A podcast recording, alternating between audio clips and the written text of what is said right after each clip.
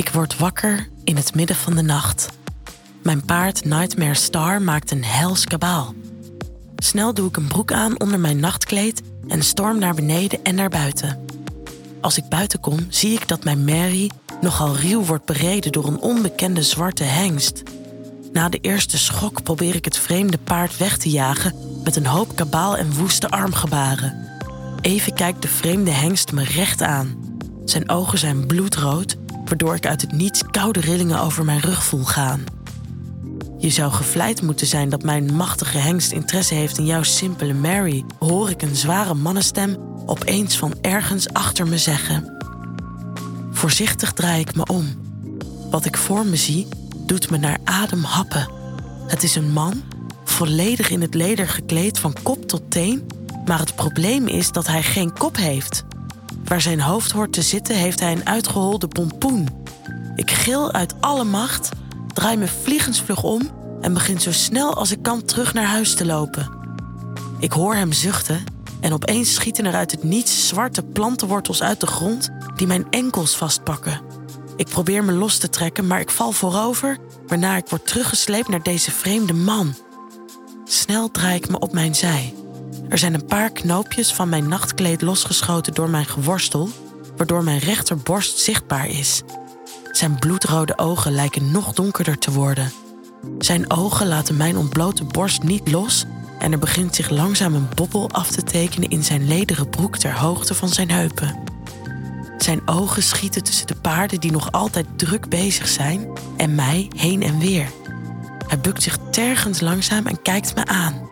Ik wil hem wegduwen, maar dan bedenk ik me. Ik wil weten waar dit toe zal leiden. Hij glimlacht. De wortels die mijn enkels vasthouden, spreiden mijn benen met een harde ruk. Uit het niets verschijnen er nog meer zwarte wortels die ook mijn polsen vastnemen. Ik trek aan de wortels, maar er is geen beweging in te krijgen. Ik ga je geen pijn doen, hoor ik hem zachtjes zeggen, terwijl hij met zijn lange slanke vingers over mijn wang streelt. Langzaam, knoop per knoop, begint hij mijn nachtkleed verder open te doen. Voorzichtig begint hij mijn borsten te strelen. Hij weet duidelijk wat hij doet. Als hij met zijn tong mijn rechtertepel begint te likken, begin ik zachtjes te kreunen. Met een grote glimlach op zijn gezicht laat hij zijn rechterhand langzaam via mijn buik verder naar beneden glijden. Zijn scherpe, spierwitte tanden en bloedrode ogen blinken in het donker. Zijn gezicht jaagt me angst aan, maar ik voel ook nog iets anders. Hij kijkt me aan met zijn bloedrode ogen die stralen met een dierlijke lust en een al even dodelijke grijns. Ik moet diep slikken. Ik voel hoe hij zachtjes met zijn rechterhand op mijn vrouwelijk duwt, terwijl hij met zijn linkerhand mijn borsten blijft strelen. Verlang je naar me? vraagt hij opeens. Ik zou nee willen zeggen, maar dan zou ik liegen. Blozend knik ik zachtjes van ja. Breed lachend knoopt hij vervolgens mijn broek los, waarna ik een vinger in me voel glijden. Ik gil zachtjes van genot. Sst, ik beloof dat ik je ga laten genieten, zegt hij zachtjes terwijl hij opstaat.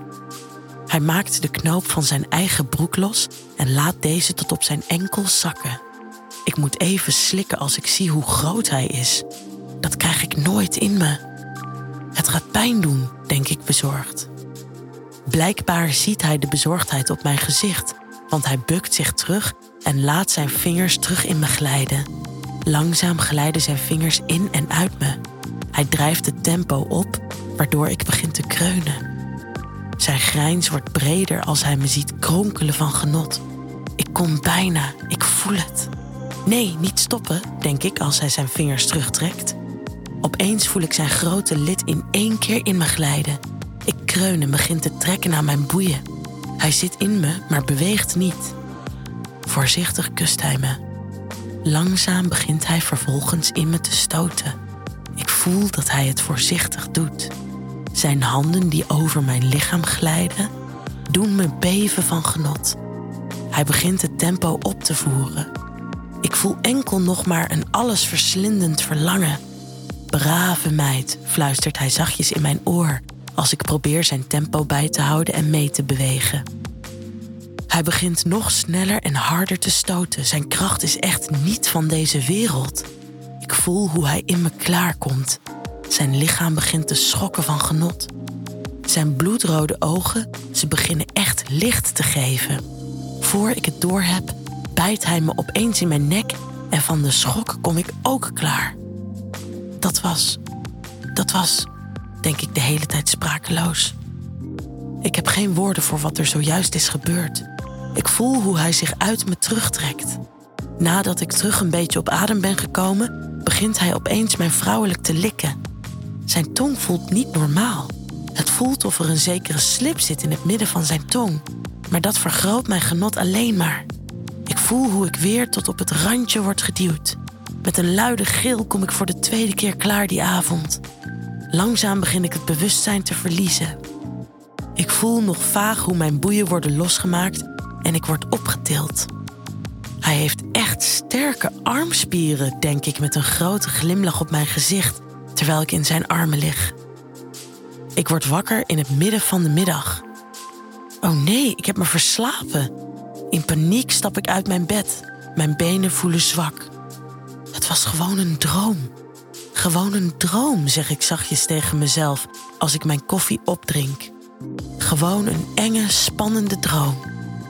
Mijn benen worden zwak als ik terugdenk aan wat ik heb gedroomd. Als het al een droom was. Of mijn benen zwak worden van angst of lust, dat weet ik nog niet zeker. Wel dat dit de bijzonderste Halloween is die ik ooit heb meegemaakt. Maar misschien wordt die van volgend jaar wel nog beter.